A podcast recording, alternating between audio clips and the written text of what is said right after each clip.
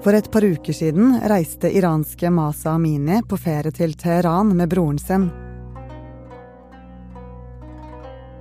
Og som vanlig hadde hun på seg løse klær og en hijab på hodet. Men én ting skulle gi henne store problemer. For hijaben satt litt løst på hodet og viste håret som rammet inn ansiktet hennes. Mens hun var i Teheran, så ble hun pågrepet av det som kalles for moralpolitiet. Eh, angivelig fordi den hijaben ikke dekket håret hennes godt nok. Og ifølge flere øyevitner så ble, var den pågrepelsen ganske brutal. Hun ble, hun ble, rett og slett slått av politiet. Og i stedet for å bli tatt med til eh, politistasjonen, så ble Masa sendt til eh, sykehus, eh, der hun falt i koma og døde bare noen dager senere. Hendelsen har ført til et voldsomt sinne i Iran.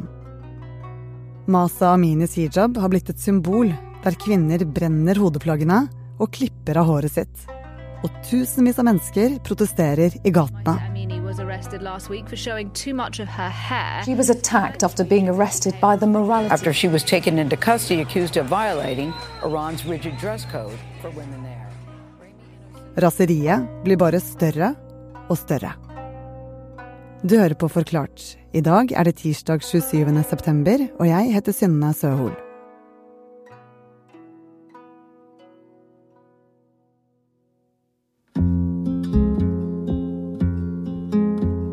Hanne Kristiansen, du er eh, utenrikskorrespondent i Midtøsten for Aftenposten. Du bor i eh, Istanbul, en muslimsk by. Må du dekke til håret når du går ut på gaten? Nei, her i Istanbul må jeg ikke dekke til håret. Uh, Istanbul er en veldig uh, ganske liberal by. Det er ikke uvanlig å se i gatene her uh, f.eks. en mor og datter som går hånd i hånd, der mor er kledd i konservative religiøse klær, mens datter går i, tenåringsdatteren går i hotpants og har håret flagrende løst. Um, men Iran er veldig annerledes. Iran er nok et av de landene, eller er et av de landene i Midtøsten som har aller strengest regler for hvordan kvinner skal kle seg. I forrige uke så ble Masa altså stoppet eh, og arrestert av politiet. Eh, hvorfor ble hun egentlig det? Masa Amini ble angivelig stoppet og arrestert fordi hun ikke bar hijaben riktig. Altså, det var ikke det at hun ikke hadde på seg hijab, hun bare hadde den ikke på seg på riktig måte. Um, angivelig skal den ha vært for løs, altså for mye av håret skal ha syntes. Uh, og i Iran så er det uh, nok til at uh, det såkalte moralpolitiet kan, kan stoppe deg og, og kreve at du blir med ned til politistasjonen, eller en såkalt anstalt, for å få veiledning, som de kaller det. Altså instrukser for hvordan eh, man skal kle seg, og også i enkelte tilfeller få bøter eller bli arrestert. Og hvem er egentlig det iranske moralpolitiet? Det, hvilken oppgave har de?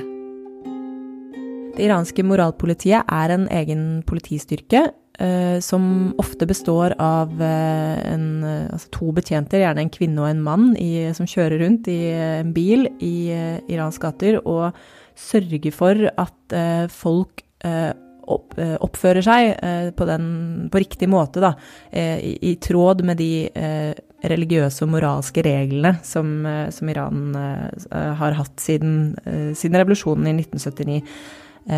Av de, en av de reglene som moralpolitiet har særlig ansvar for å håndheve, er dette med kvinners kleskoder. Siden den iranske revolusjonen i 1979 har det vært påbudt for iranske kvinner å ha på seg hijab. Regelen har ikke alltid vært like streng, og iranske kvinner har tøyd grensene. Men i fjor fikk Iran en ny president. Ebrahim Raisi han er en ultrakonservativ eh, tidligere dommer. En såkalt hardliner, altså en som ikke inngår kompromisser. Eh, og også en som har vært veldig tydelig på at eh, disse reglene skal strammes inn. Nå skal de håndheves eh, strengere. Og han har gitt direkte ordre til, til moralpolitiet om å slå hardere ned på f.eks. kvinner som ikke kler seg riktig. Og nå har denne ordren ført til at Masa døde i politiets varetekt. Hvorfor vekker akkurat dette dødsfallet så sterke reaksjoner? Akkurat det er det flere grunner til, og det er nok mange som vil si at dette var dråpen som fikk begeret til å renne over. Eh, men jeg tror at det hadde eh, en ekstra sånn oppildende effekt at politiet nekter for å ha noe med dette å gjøre. Altså de nekter for at de har ansvar for, for at hun døde. Politiets forklaring er at Masa Amini hadde Hun slet med helseplager fra før av, at hun døde av en hjertesvikt, hjertefeil, som følge av disse helseplagene. Det nekter familien for. Og som sagt så er det flere øyevitner som sier at de, ble, de, de så henne bli banket opp eh, da hun ble pågrepet. Det fins videoklipp av at hun segner om under arrestasjonen. Så det at politiet dekker over dette og nekter for eh, at de har ansvar, det har vakt veldig sterke følelser og reaksjoner i, blant det iranske folk. Fra før var begeret fullt. Men nå har hendelsene rundt Masas dødsfall blitt dråpen som fikk det til å renne over for iranere rundt i hele landet og i hele verden.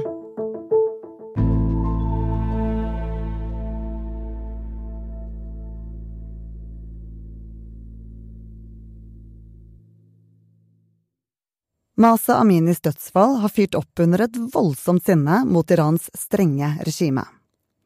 Først begynte folk å demonstrere i hjembyen hennes. Så spredte demonstrasjonene seg lynraskt til hele landet, og for verden var opprøret aller mest synlig på sosiale medier. Den siste uken, eller de siste ti dagene, så har det kommet noen eh, ganske oppsiktsvekkende, egentlig ganske sånn historiske scener, eh, klipp, eh, videoklipp fra, i sosiale medier fra forskjellige byer i Iran øyeblikk der kvinner har klatret opp i lyktestolper eh, eller opp på biler midt i, midt i gata i Iran og klippet av seg håret. Videoklipp av en kvinne som eh, drar av seg hijaben, kaster, kaster hodet bakover med håret løst og snurrer rundt og rundt før hun kaster hijaben i et brennende bål foran seg.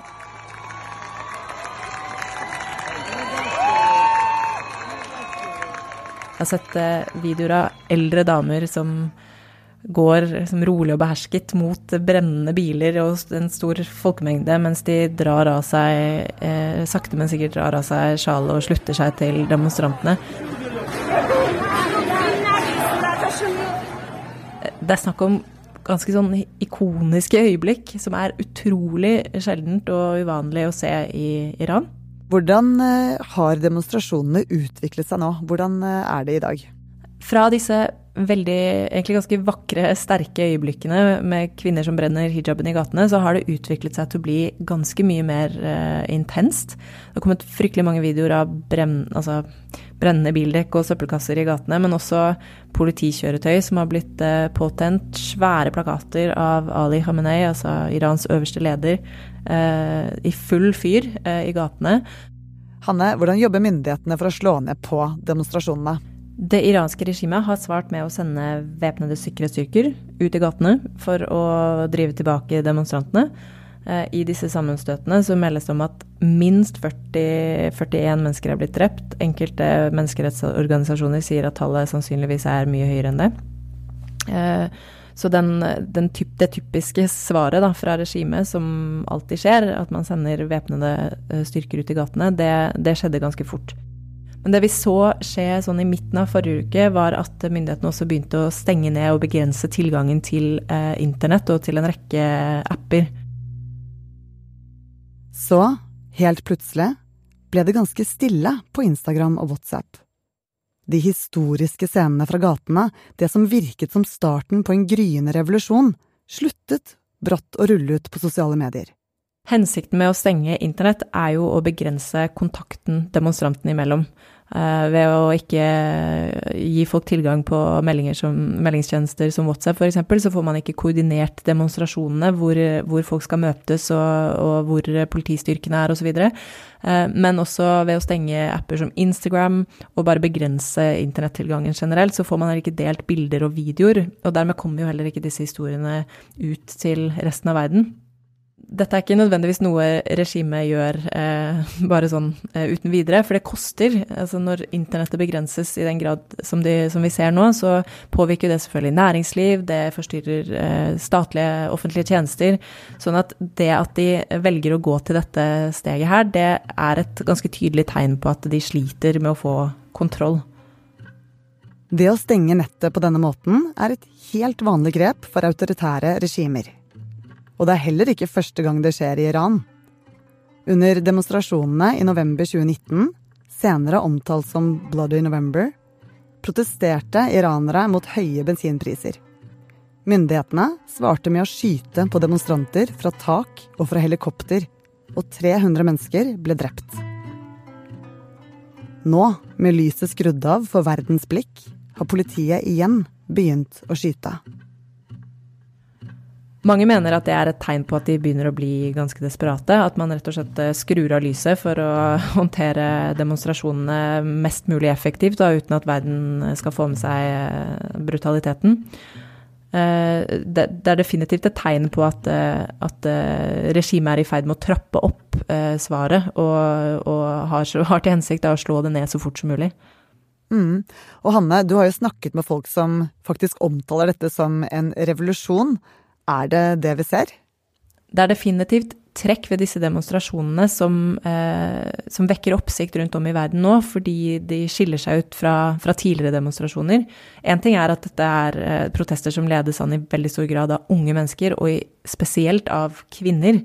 Eh, en annen ting er at det er ganske eh, liksom rent politiske demonstrasjoner. Men det er jo ikke første gang man har sett veldig voldsomme demonstrasjoner i Iran, eh, og hvorvidt det vil føre til en regimeendring eh, i denne runden, det eh, har jeg kanskje litt vanskelig for å tro. Men det jeg hører flere si, er jo at dette, er, dette kommer stadig oftere. Det skjer stadig hyppigere at det bryter ut sånne demonstrasjoner. Og spørsmålet er jo hvor lenge regimet kan overleve hvis det bare fortsetter å skje. Ja, Er dette noe som kan spre seg videre til andre land. Hvor stort kan omfanget av dette bli, hvis det fortsetter? Jeg må si det har vært øh, ganske spennende å følge med på bare hvor, øh, hvor mye det har spredt seg allerede. Og det, det var ikke gitt øh, for en uke siden at det skulle fortsette øh, en uke senere, da, for å si det sånn. Um, det, det, er, det, er, ingenting som tyder på at demonstrasjonen er i ferd med å dø ut nå, men så har vi jo fått eh, dessverre færre bilder og videoer som følge av at internettet begrenses. Um, men dersom det fortsetter i, det, uh, i den skalaen man har sett nå de siste dagene, så er, øker jo også dessverre sjansen for at regimet vil slå veldig mye hardere ned. Uh, så det er jo det store spørsmålet nå, hva, uh, hva regimet vil gjøre. Hvor hardt de vil gå ut da, for å, for å få bukt med, med uroen. Men så er det jo sterke internasjonale reaksjoner på dette her, og presset på Iran vil jo øke ettersom, eh, ettersom sympatien øker eh, rundt om i resten av verden. Ja, hvilke reaksjoner kommer fra verden generelt, da? Nå i helgen som gikk, så har det vært eh, store demonstrasjoner i en rekke byer rundt om i Europa og i, i eh, Nord-Amerika. Eh, i, her i Istanbul, hvor jeg, hvor jeg bor, så det, var det store, ganske intense protester utenfor det iranske konsulatet. Både i London og Paris så var det sammenstøt mellom politi og demonstranter. I Paris skal politiet ha brukt tåregass mot demonstrantene. Eh, og ikke minst i sosiale medier så er jo dette en sak som har vakt veldig stor oppmerksomhet. Det, det er definitivt eh, en, en, sak som har, fått, eh, som har eh, fanget verdens oppmerksomhet, og mm, det er jo selvsagt et problem for det iranske regimet også. Til slutt, Hanne, hvorfor oppleves kvinnehår eh, som farlig eller truende for det iranske regimet? Ja, hår har blitt fryktelig politisk i Iran. Det ser vi jo av demonstrasjonene den siste uken. Eh, for konservative, religiøse iranere så eh, oppleves nok det at liksom kvinner tar av seg hijaben og kaster, slår ut håret og til og med brenner hijaben i gatene, eh, en utvikling mot eh, et, et, samfunn som er mye mer frigjort og seksualisert, og ikke i tråd med eh, iranske religiøse, konservative verdier lenger. Men for kvinnene som tar av seg hijaben, så handler jo dette om noe ganske annet, nemlig retten til å få velge selv hva man skal gå med, hvordan man skal kle seg. Så hår har på, mange måter blitt symbolet på den uh, uh, kulturkampen da, som ligger og ulmer under overflaten i det iranske samfunnet.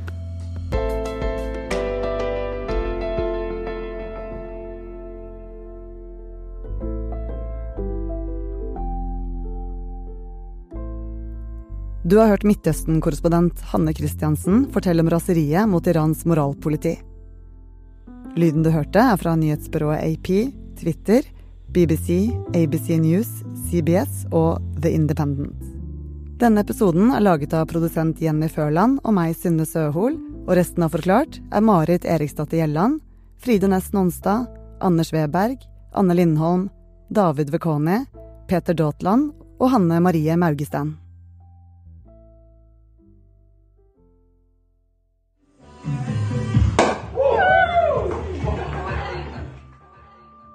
Det året Ida er 23 år, merker hun at noe er annerledes. Ida er på besøk hos meg. Dette er i juletid. Kommer ut fra doen og sier at åh, jeg slutter ikke å, å blø. Nå har jeg blødd i, blødd i så mange uker. Og da sier jeg at det Har du sjekka det?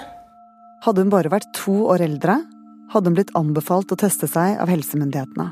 Det var ikke akkurat det livet her jeg hadde sett for meg. Men er det nå det jeg har.